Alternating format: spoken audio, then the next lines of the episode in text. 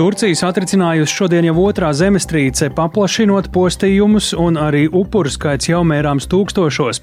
Dabas katastrofas spēku jutuši arī netālu dzīvojošie latvieši. Radījumā pēcpusdienā sazināsimies ar Turciju. Tikko stājies spēkā Krievijas naftas produktu aizliegums Eiropā, tomēr Latvijā degvielas tirgotāju cenu kāpumu pagaidām neprognozē. Tuvākā nedēļa rādīs, uz kuru pusi tas viss virzīsies, bet dotā brīdī prognozes īstermiņam ir optimistiskas. Bet sociālajos tīklos viedokļu vētru izraisīs jautājums, vai Latvijas kinoteātros filmām jābūt ar subtitriem Krievu valodā.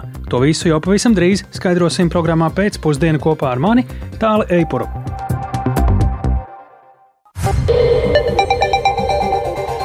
16,5 minūtes skan pēcpusdienas ziņu programma, skaidrojot šodienas svarīgos notikumus studijā Tālis Eipurs. Vairāki tūkstoši pirmdien, tātad šodien gājuši bojā zemestrīcē, kas šonakt un arī šodien jau dienas laikā eh, nodarījusi plašus postījumus vairākos eh, reģionos Turcijā un Sīrijā. Dabas stihijā ir sagrauti tūkstošiem dzīvojamo ēku zem drupām. Mēs uh, lasām, ka joprojām var atrasties daudzi izdzīvojušie, tādēļ katastrofas skartajos rajonos visu dienu joprojām turpinās glābšanas un meklēšanas darbi.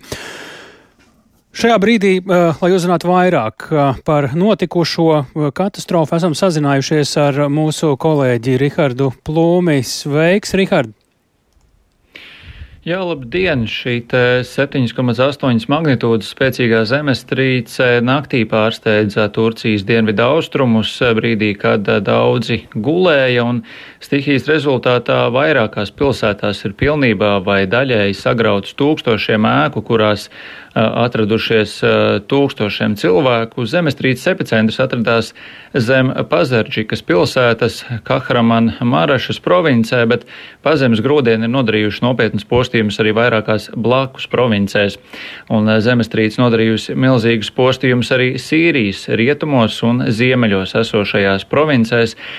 Kopumā bojā ir gājuši vairāk nekā 1900 cilvēku, Turcijā miruši aptuveni 1100 cilvēku, teju 8. 800 mirušo ir arī Sīrijā. Skaidrs, ka bojā gājušo skaits uh, tiek, nu, diemžēl, papildināts ik pēc kāda laika, jo skaidrs, ka zem grūvušiem vēl ir, uh, varētu būt diezgan daudz cilvēku, tostarp gan dzīvu, gan jau mirušu. Izdzīvojušie stāsta, ka tik spēcīgu zemestrīci viņi savā dzīvē nesot pieredzējuši. Kāds vīrietis no Diyarbakiras pilsētas stāstīja par savām sajūtām. Yani ben uyuyordum, eşim beni uyandırdı. Es gulēju, kad sieva mani pamodināja. Zemestrīce bija ļoti spēcīga, mēs bijām ļoti nobijušies. Visapkārt bija briesmīgs troksnis.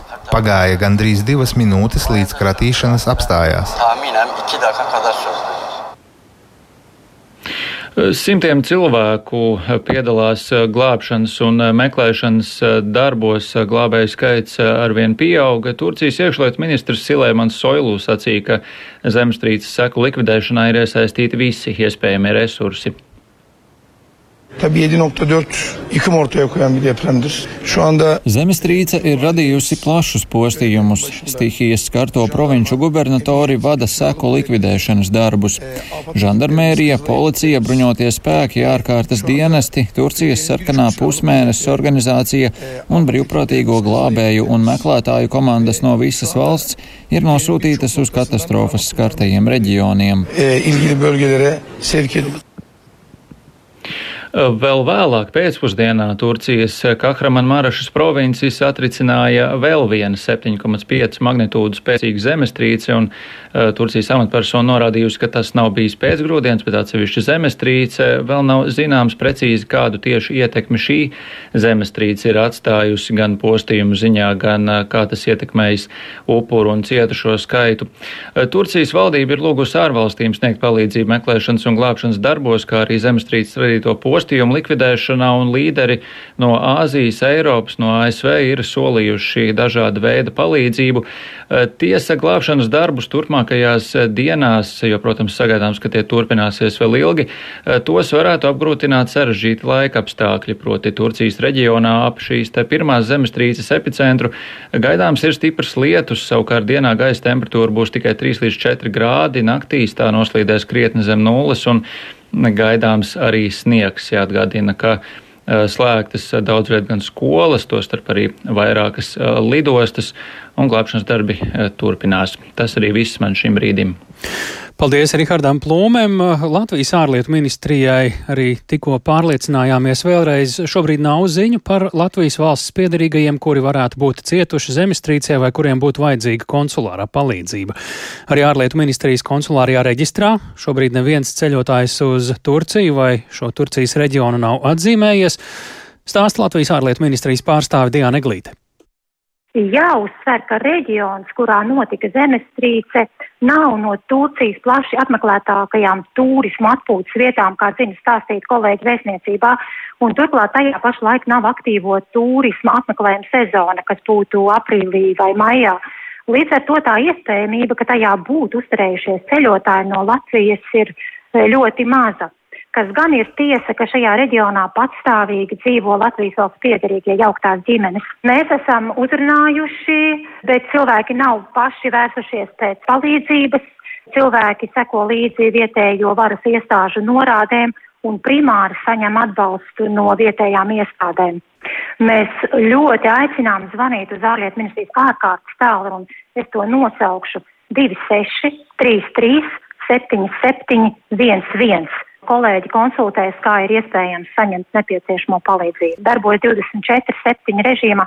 Mēs aicinām tātad gan turistus zvanīt, gan arī tuviniekus, kuriem ir satraukums par saviem tuviniekiem, kas varētu būt uh, aizceļojuši uz Turciju un, un atrasties tuvu traģēdijas vietai. Tātad vēlreiz šis tālruņa numurs. Uh, uh Latvijas starptautiskais kods plus 371, ja esat ārzemēs, piemēram, Turcijā, un tad 26, 33, 77, 11. Vēlreiz 26, 33, 77, 11. 1. Zemestrīces spēku šorīt un šodien pieredzējusi Turcijas pilsētā Adanā kopā ar vīru un bērniem dzīvojošā latvieta Ingrīda Gīnēja. Lūk, ko viņa pirms brīža raidījumam pēcpusdienu pastāstīja par pašas piedzīvoto. Mēs esam kādus laikam nepilnus 300 km. Nav ļoti tālu, nav ļoti arī tuvu. Jūs eh, jūtāt noteikti šo zemestrīci, bet ne tuvu, ne tik stipri, kā jūta cilvēki visskarbākajā vietā. Naktī laikam bija 6 balles, bet naktī tas bija ļoti viegli. Mums nebija panikas, pamodāmies, jo šūpojās māja, durvis šūpojās, ir tumšs, mēs neko tā īsti nesapratām, nebija nekādas neskaņas, ne ārā panikas. Bērni vispār nepamodās līdz rītam.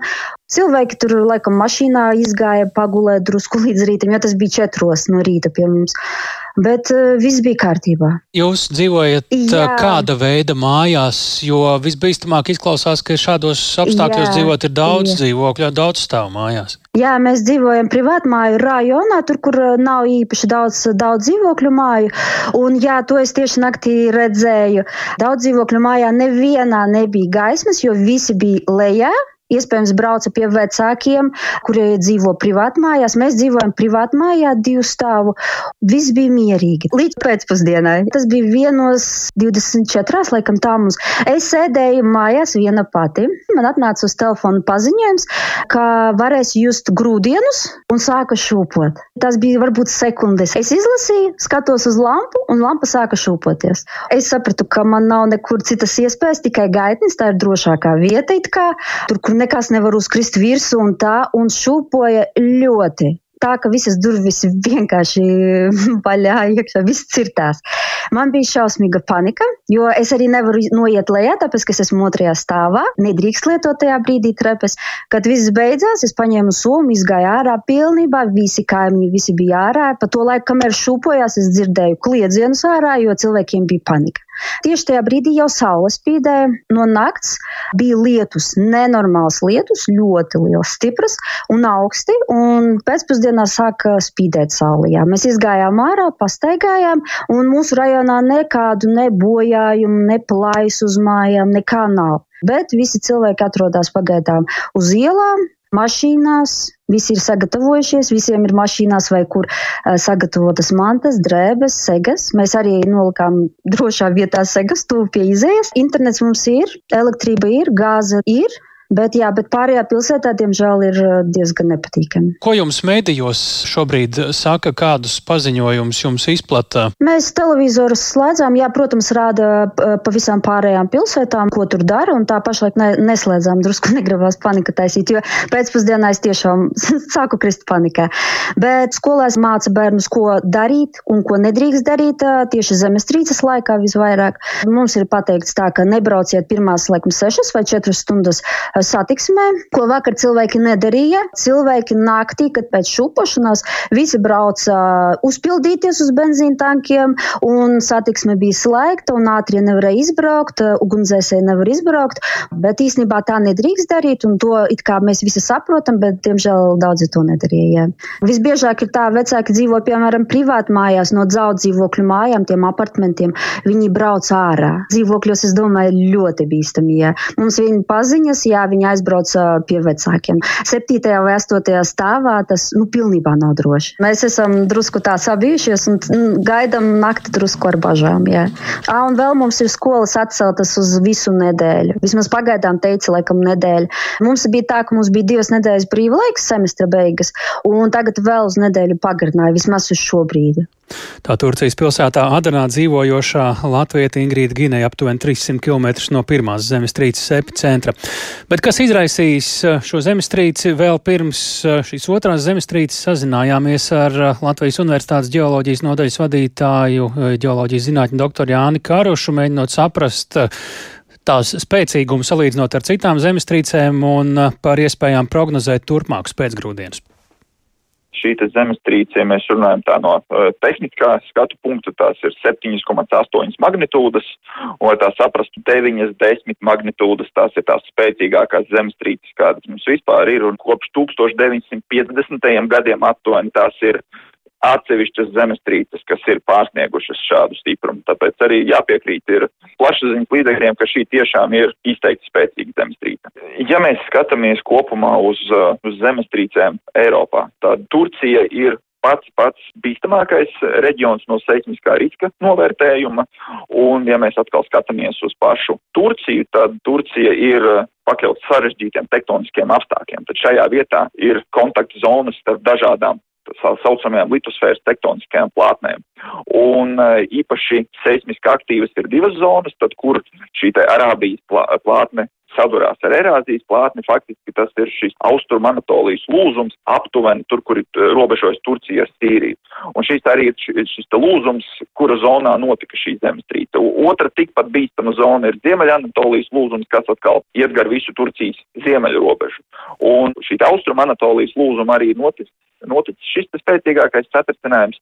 Jāsaka, uzreiz, ja mēs skatāmies uz šiem zemestrīču novērojumu datiem, tad eh, satricinājumi bijuši ir vairāki, aptuveni desmit vai pat vairāk dažādu stiprumu. Protams, tas spēcīgākais bija 7,8 magnitūdas.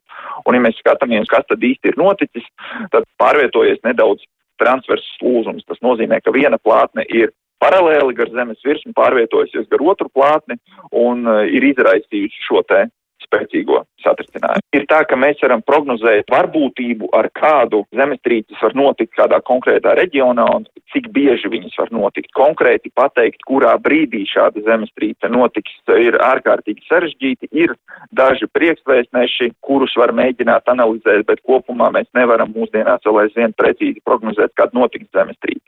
Vai viņa bija negaidīta šajā konkrētajā reģionā? Nē, tas ir diezgan likumsakarīgi, ka šāda zemestrīce notika šeit. Protams, šādas spēcīgas zemestrīces notiek retāk, bet tas nav liels pārsteigums, ka tas notika šeit. Cik tas ilgi turpināsies? Visdrīzākais ne pārāk ilgi, bet to arī ir grūti prognozēt. Tas ir eh, atkarīgs no konkrētās tektoniskās situācijas, kas tieši ir sakustējies un skatoties uz to dziļumu, kādā eh, notikusi zemestrīces. Tas eh, hipocentrs, tas ir cik dziļi zem zemes ir tieši vieta, kur notika pārvietojums, tas ir aptuveni 17 km. Lielākajiem grūdienam visi pārējie grūdieni ir aptuveni tādā pašā dziļumā, un šīs te vienas kustības dēļ iespējams ir ierosināti kādi citi procesi un, un var sekot arī kāds nākošais grūdien. Tā Latvijas Universitātes ģeoloģijas nodaļas vadītājs ģeoloģijas zinātņu doktors Jānis Karušs tik tālu par zemestrīcēm Turcijā. Bet kā Eiropas embargo Krievijas naftas produktiem varētu ietekmēt patērētājus Latvijā? un par vētru sociālajos tīklos par to, kāpēc Latvijas kinoteātros joprojām filmām tiek rādīti krievu valodas subtitri. Šie un citi temati ir raidījumā pēcpusdiena turpmākajās minūtēs. thank you Turpinām sekot līdzi stūra mājas liktenim. Valsts nekustamo īpašumu vadītājs Renārs Grīškevičs šorīt Latvijas radio atzina, ka lūgs būvniecības valsts kontrolas birojam pagarinājumu stūra mājas eksploatācijai.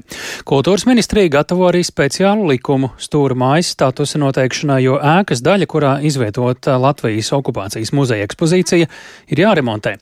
Šomēnes likuma gan vēl nebūs. Plašāk par visu Lindas Spundiņas ierakstā. Koalīcija lēmusi, ka kultūras ministrija gatavos speciālu likumu stūra mājas statusa noteikšanai. Iecerēts, ka likums noteiks stūra mājas aizsardzību, kādā veidā nam atjaunos un no kurienes tam piesaistīs naudu. Ministrijas parlamentārais sekretārs Ritvers Jansons no Nacionālās apvienības saka, ka ministrija likumu var ātri izstrādāt, taču tas nebūs šajā mēnesī. Ministrija var ļoti ātri viņu virzīt tālāk, ja būs politiskais atbalsts jo rāmis jau ir tikai mums ir jāsaprot praktiski tās lietas, kā tiks atrasts nepieciešamais finansējums, lai saglābtu to ēkas daļu, kas draud pārvērsties avārijas stāvoklī. Līdz februāra beigām tas nav iespējams mm -hmm. izdarīt nekādā ziņā. Būvniecības valsts birojas, zinot to, ka ir šis politiskais lēmums rūpēties par stūrmāju, tiks lūgts pagarināt šo uzraudzības termiņu. Būvniecības valsts kontrolas birojam vēl tikai lūgs pagarināt uzraudzības termiņu, līdz brīdim, kamēr likuma izstrādās un papildu naudu steidzamiem darbiem atradīs. Birojas Latvijas radio norāda, ka lūgumu nav saņēmis, turklāt iestāde nosūtījusi valsts nekustamajiem īpašumiem lūgumu sniegt atbildi par līdz šim paveikto un turpmāko rīcību ar stūru māju līdz 16. februārim. Ja līdz šī mēneša beigām nekustamie īpašumi nenovērsīs konstatēto bīstamību stūra mājām, būvniecības valsts kontrolas birojam nāksies piemērot sodu. Valsts nekustamo īpašumu valdes priekšsēdētājs Renārs Kriškēvičs teica, ka ēkā nepieciešams ieguldīt daudz naudas. Līdzekļi būs nepieciešami gana lieli. Mēs runājam par aptuveno summu 300 tūkstoši eiro, lai sakārtotu pagalmu pārsegumus, bet eh, šis ir īstermiņa risinājums jo jau pēc gada nepieciešams būs papildus investīcijas, lai sakārtot namā ugunsdrošības sistēmas. Tādēļ mēs runājam, gada laikā nepieciešamās investīcijas aptuveni 700 tūkstoši eiro apmērā. Bet pēc būvniecības valsts kontrolas biroja atzinuma un ekspertīzes, lai namu sakārtotu ilgtermiņā kārtībā līdz uh, piecu gadu periodā, ir nepieciešama namam investīcijas aptuveni 14 miljonu eiro apmērā. Par aptuveniem 300 tūkstošiem eiro iecerēti patvaļīgas būvniecības nojumes novēršanu un iekšpagalmu pārsagumu atjaunošanu. Tad varētu turpināt ēkas eksploatāciju un muzeja telpu izmantošanu līdz nākamā gada 7. maijam. Linda Spundiņu, Latvijas radio. Tik tālu par situāciju kopumā, bet šobrīd eh, šo visu ir klausījusies arī okupācijas muzeja direktore Solvita Vība. Labdien! Labdien! Dzirdējām, būs likums, tiek solīts lūgt pagarinājumu, kurš gan vēl nav saņemts Būvniecības valsts kontrolas birojā. Vēl nesen izskatījās, atceramies, ka ja līdz 1. martam okupācijas muzejs neatradīs vairākus simtus tūkstošus stūra mājas ekspozīcijas telpas būs jāpamet. Kā jūs raugāties uz jaunākajiem paziņojumiem? Nu jā, es vispirms gribu pateikt, ko mēs esam praktiski darījuši. Mēs arī esam tikušies ar valsts ugunsdzēsības un glābšanas dienas ekspertiem, ar būvniecības valsts kontrolas biroja ekspertiem un Nacionālās kultūras mantojuma pārvaldes ekspertiem. Mums ir bijuši trīs tikšanās. Un ar katru no šiem ekspertiem mēs pārunājām praktisko situāciju uz vietas, um, uh, konstatējot, uh, kas ir nepieciešams, kāds ir tas termiņš un ko mums darīt, un vai tas ir līdz 1. martam. Šodien es varu teikt, ka mēs um, esam vienojušies, un jau mēs, kā muzejs, esam vērsušies um, valsts nekustamiem īpašumiem ar vēstuli par to, ka ir jāmaina telpu lietojuma veids, proti no biroja uz muzeju. Tas būtu tāda juridiskā procedūra, ko var veikt tikai apsaimniekotājs un ne muzejs. Ko tas mainītu? Tātad tas būtu. Uh, nu, tas mainītu to, ka šobrīd pat no šī te, nu, teiksim tā, formālā viedokļa mēs nevaram turpināt, uh, nu, teiksim, darbību kā muzejs, kaut arī mēs šo darbu daram kopš 19. gadu, mums ir nomas līgums un mēs, protams, neesam slēpuši, ka mēs esam muzejs un šo uh, darbību šajā telpā vēlamies arī tādā veidā īstenot. Nu, es teikšu tā, tā ir juridiska procedūra, bet tas ir jāsakārto. Ne ar vienu no šiem ekspertiem mums nebija strikts, nu, teiksim tā, jautājums par 1. martu un ne tālāk. Tātad Nacionālā kultūras mantojuma pārvaldes eksperti vēl gatavo savu atzinumu, bet es uzreiz gribu pateikt, ka tajā daļā, kur ir šī bīstamība, kur ir šie te pagraba bīstamie pārsegumi, mēs nelietojam telpas. Un tad mans jautājums bija, kā vai ir kaut kas mainījies pēc tās iepriekšējās reizes, kad mums lūdza telpu apjomu samazināt, respektīvi mēs nelietojam pagalmu un mēs nelietojam tās telpas, kas ir virs šīm bīstamajām vietām. Tā kā, nu, es šeit arī vēl redzu, ka, nu, iespējams, ka nu, mēs varēsim tāpat turpināt uh, pat tad, kad ir nu, saprotams, ka mēs nevaram izlabot uh, šīs bīstamās vietas līdz 1. martam. Un, protams, ir vēl dažas citas tādas, nu, praktiskas lietas, kas mums būtu jāsakārto, bet es domāju, ka uh, mēs varēsim panākt to, ka šis termiņš būtu atlikts, jo pirmkārt ir šī politiskā iniciatīva, nu, šī mm, doma par jaunu likumu, tas būtu viens pierādījums tam, kā, nu, teiksim, jautājums virzās uz priekšu.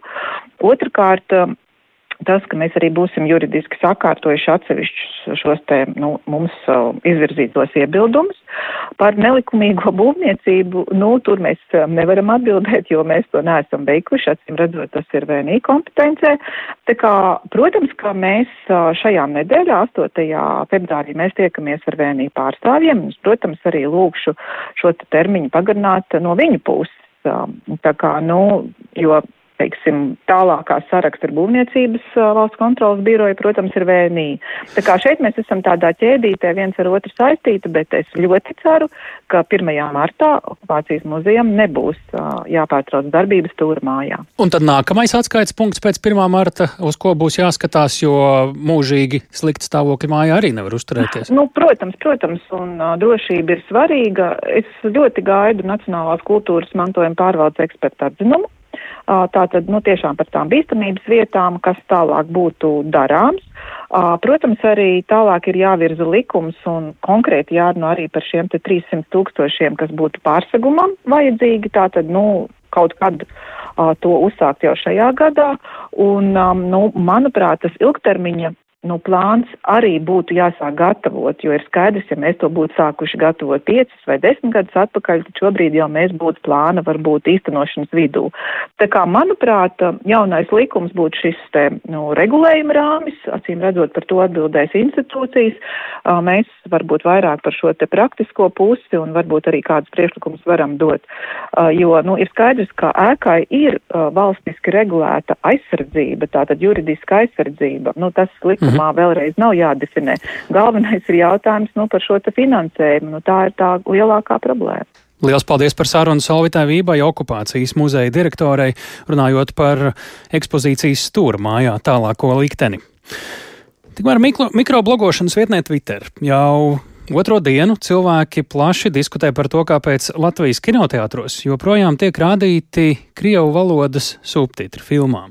Kinoteātri norāda, ka to nevar ietekmēt, savukārt eh, filmu izplatītāji skaidro, ka pēc tā vienkārši ir liels pieprasījums. Plašāk Agnijas Lazdiņas ierakstā. Visas filmas kinoteātrī rāda tik ilgi un tādos formātos, kāds ir skatītāju pieprasījums jeb apmeklējums. Tā uzsver kinoteātris Fórums Cinema. Ja novēro, ka piemēram Krievu dublāžas filmas versija netiek apmeklēta, to pārtrauc rādīt, atstājot filmu tikai latviešu valodā.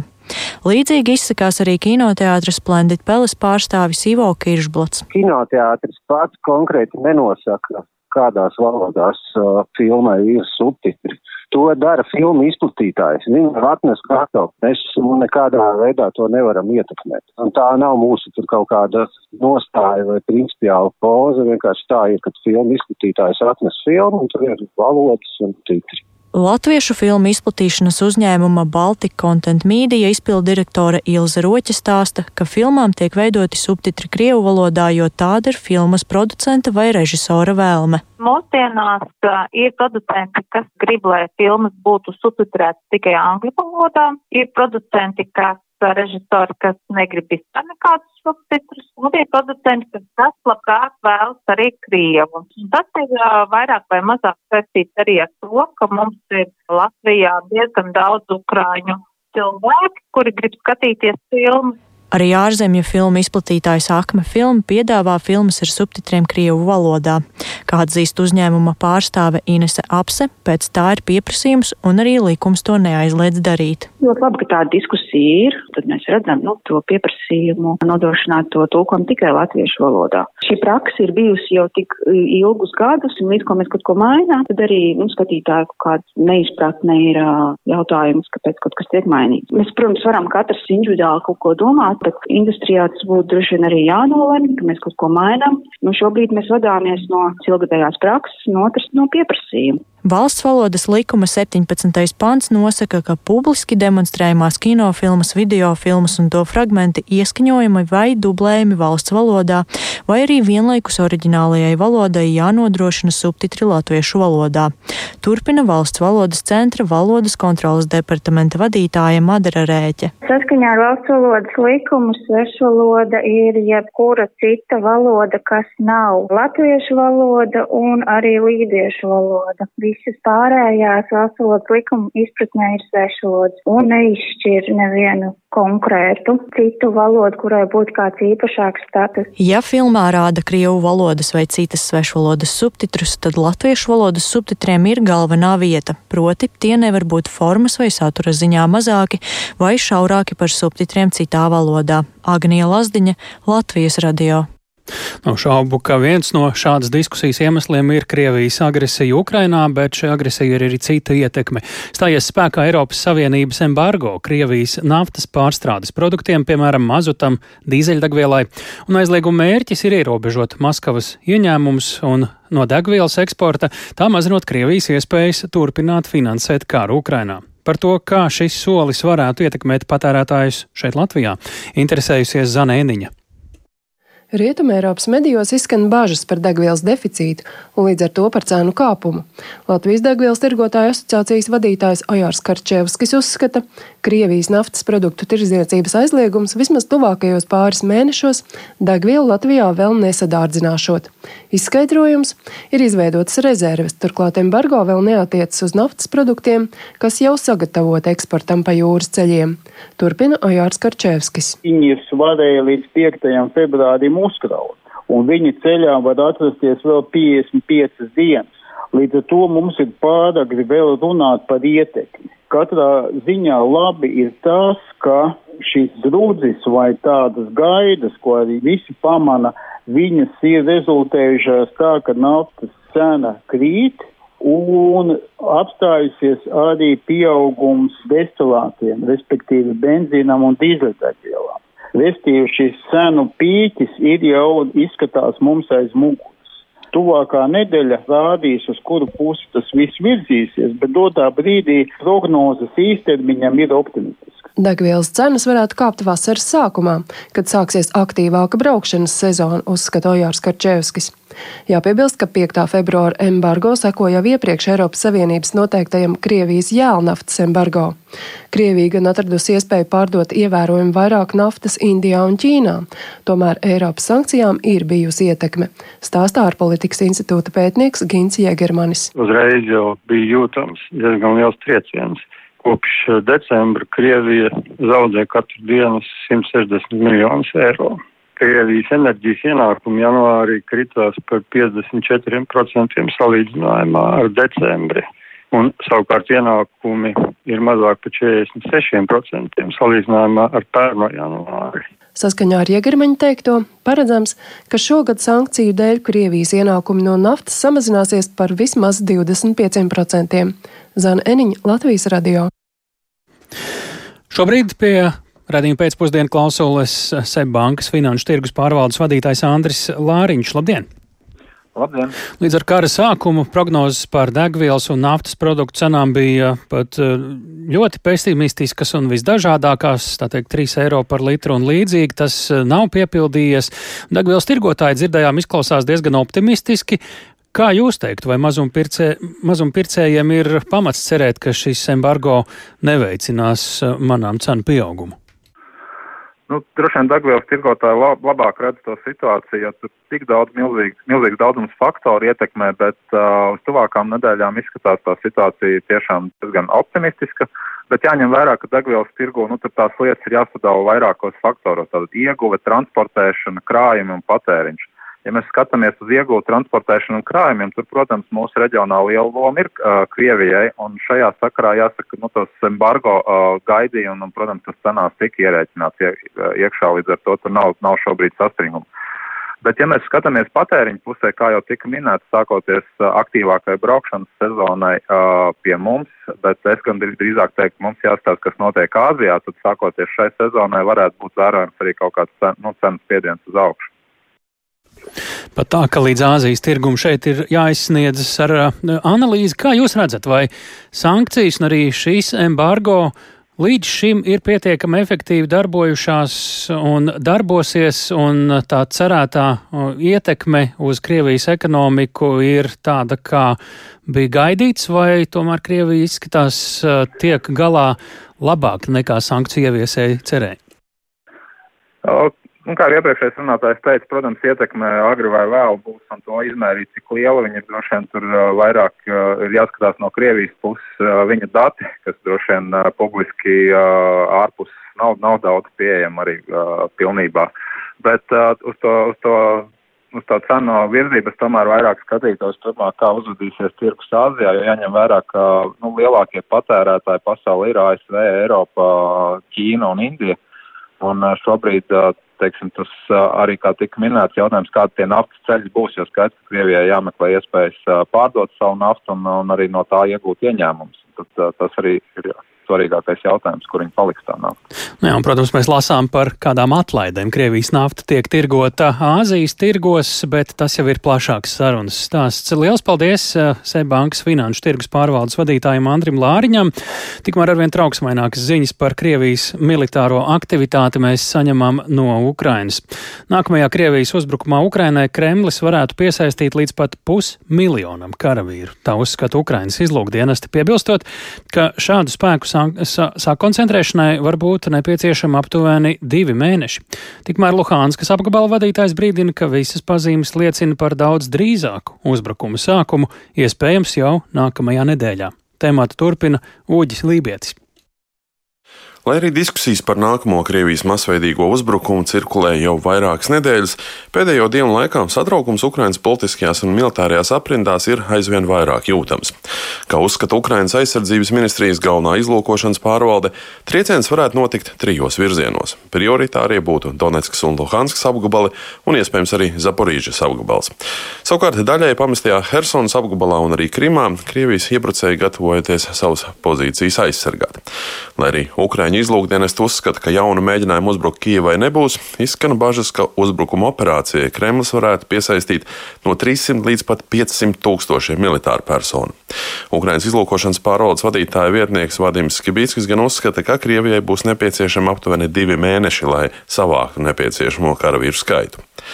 Savukārt, kā uzskata Luhanskas apgabala militārās administrācijas vadītājs Sergijs Haidais, mobilizēto apmācību Krievijas spēkos iet uz beigām, tāpēc uzbrukums var sākties jebkurā brīdī, jau pēc 15. februāra. Mēs redzam, ka mūsu virzienā tiek savests ar vien vairāk rezervju, tiek atvests ar vien vairāk tehnikas, kas vai nu tiek daļēji slēpta mežos, vai nu ierakta pozīcijās. Tiek celtas jaunas aizsargrobežas, no kurienes pēc tam acīm redzot tiks veikti šie pilnā apmēra uzbrukumi. Tiek pievesta munīcija, kas netiek vairs tik aktīvi tērēta. Vairs neredzam apšaudes, kas turpinās visu diennakti. Tāpēc mēs saprotam, ka viņi sāk nedaudz ekonomēt, gatavojoties visaptverošam uzbrukumam. Izlūkdienesta pārstāvja arī norāda, ka līdz šim karā pret Ukrainu ir izmantot aptuveni 600 Irānā ražoto bezpilota lidaparātu un drīzumā Teherāna Maskavai gatavojas piegādāt jaunu sūtījumu. Kopumā Krievija no Irānas esot apņēmusies no nopirkt 1750 šādus lidaparātus. Kā uzskata Ukrainas aizsardzības ministrs Aleksijs Reznikovs, atšķirībā no kara sākuma, kad Krievijai varēja būt vēlme sagrābt visu Ukrainas teritoriju, tagad uzmanība tiešām tiks koncentrēta uz atsevišķiem virzieniem. Un pēc Reznikova domām, Krievijas spēku galvenais mērķis varētu būt tieši sauszemes koridora paplašināšana un nostiprināšana Zaporīžas apgabalā, lai garantētu turpmākas piegādes Krimai. Tikmēr arī Ukraina ar nepacietību gaida rietumvalstu solītās un piešķirtās militārās palīdzības pienākšanu. Kanādas aizsardzības ministra Anita Ananda ir paziņojusi, ka pirmais no Kanādas Ukrainai piešķirtajiem četriem Leopard tankiem jau ir ieradies Polijā. Šeit jāpiemina, ka Ukrāņu tanku ekipāžu apmācību var aizņemt mazākais piecas nedēļas, tāpēc rietumu smagās kaujas tehnikas drīza ierašanās Ukrainā vēl nav gaidāma, vai arī netiek atklāta. Uģis Lībijams, Latvijas Radio.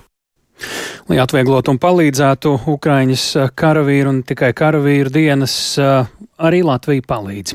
Atkal var ziedot adījumus Ukraiņas atbalstam. Latvijas pasts kopā ar biedrībām Mēs iecavai un tavi draugi ir sācis no jau trešo akciju adījumi Ukraiņas atbalstam līdz 17. martam. Šoreiz visās pasta nodaļās var ziedot adījumus. Kādi adījumi šobrīd tiek gaidīti un par citām detaļām esam sazinājušies ar biedrības Mēs iecavai pārstāvi Lauru Luiku. Labdien! Labdien! Jau trešais piegājiens. Kāpēc uh, ir nolemts uh, sākt to atkal un tagad? Uh, ir tā, ka situācija jau rudenī un, uh, ne, var sakot, akciju sākām mēs pagājuši gadu pavasarī, protams, ka sākās kara darbība un sapratām, ka kaut kā ir jāpalīdz un tā bija tā palīdzība, ko mēs redzējām reāli, ko var īstenot. Un uh, bija ļoti liela atsaucība, ir bijusi arī un uh, ir kopā gan 3-5 vairāk kā 5 tonnas jau bija sādīts, un situācija bija laba, bija daudz adījumu, ko biedrība tavu draugu varēja sūtīt uz Ukrainu, bet šobrīd ir tā problēma, ka vairs nav ko sūtīt. Un ir uh, lūgums jau no Ukrainas puses šoreiz, kad karavīriem frontē ir nepieciešams zeķis, cimdi, šālis un cepurs. Un tāpēc arī mēs to akciju atsākām šobrīd. Zeķes, cimdi, šāles, cepures, es vēl lasīju par muguras sildītājiem, vai jā. vēl kas, ko var adītāji un adītājas adīt? Uh, jā, var arī adīt jau iepriekšējā akcijā, ko mēs aicinājām arī adīt, kas ir speciāli tā kā ievainotājiem zeķes, kas ir uz pogām, un arī, jā, tie muguras sildītāji, tas ir arī vēl ko papildus, un, bet šobrīd tas akcents ir tas, ka ir vajadzīgs palīdzība pieaugušajiem nu, ka bērnu lietas ir pietiekami, bet pieaugušo lietas šobrīd trūkst.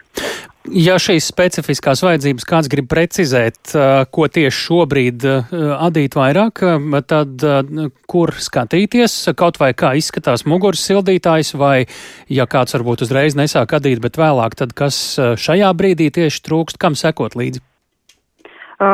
Proti, šobrīd ir tā, ka jebkurš, kas tie, teiksim, vadītāji, kas jau vadījuši ir agrāk, viņi zina, kas, kas ir jāāda, viņas, jo mums bija diezgan liela informācija jau rudenī, jā, kad bija par tiem speciāli zeķiem un internetā, ja, protams, ierakstīs, varēs redzēt, jo tā visa informācija ir saglabājusies, kas ir jāraksta, kas kā izskatās tās speciālās ievainotajiem. Zeķes, ir bijuši arī sižeti par to tēmu, bet šobrīd tas, ka var noteikti jā, zeķes, cepures, šaulas, to visu var adīt, un to adītājs mums ļoti labi māku adīt. Un, nu, Es atceros aicinājumus no, adīt gan eh, ne spožu krāsu, eh, zeķes vai cepures, eh, gan arī pēc tam, ka varbūt pat nedaudz pretēji. Kā šobrīd? Uh, šobrīd ir tā, ka principā ir uh, noteikti var arī jāadīt vēl projām to, kas ir, teiksim, tādi zemes un uh, toņi, kas ir, teiksim, uh, brūngani, zaļgani, kas aizies, teiksim, frontei. Un ir arī, teiksim, ir, bet ir arī vēl ir ļoti liela daļa, ir, teiksim, cilvēki, kas ir, kas palīdz fronts cilvēkiem, tie paši mediķi, sakaru cilvēki, kuriem arī šīs lietas eh, aiziet un noderēs. Tā kā principā tur jau tiek šķirots arī vairāk, ja būs arī kaut kas košāks no aizies tur, ka to, to sadala jau tālāk, teiksim. Un principā tagad ir svarīgi adīt. Un adīt, teiksim, kas, nu, pie mājās ir tā dzīve no Adama un Vedam un uh, nesam uz Latvijas pastu, un tad jau pēc tam biedrība, tavu draugu, viņi arī skatās un uh, sūtīs tālāk uz Ukrainu, un viss, kas nonāk tur, tas būs uh, noderīgs. Kā jāiepako un kas pastā jāsaka? Jāiznes vienkārši, principā jāiznes uz pastu kaut, nu, teiksim, kaut kādā iepakojumā, nu, maisiņā kaut vai ieliek.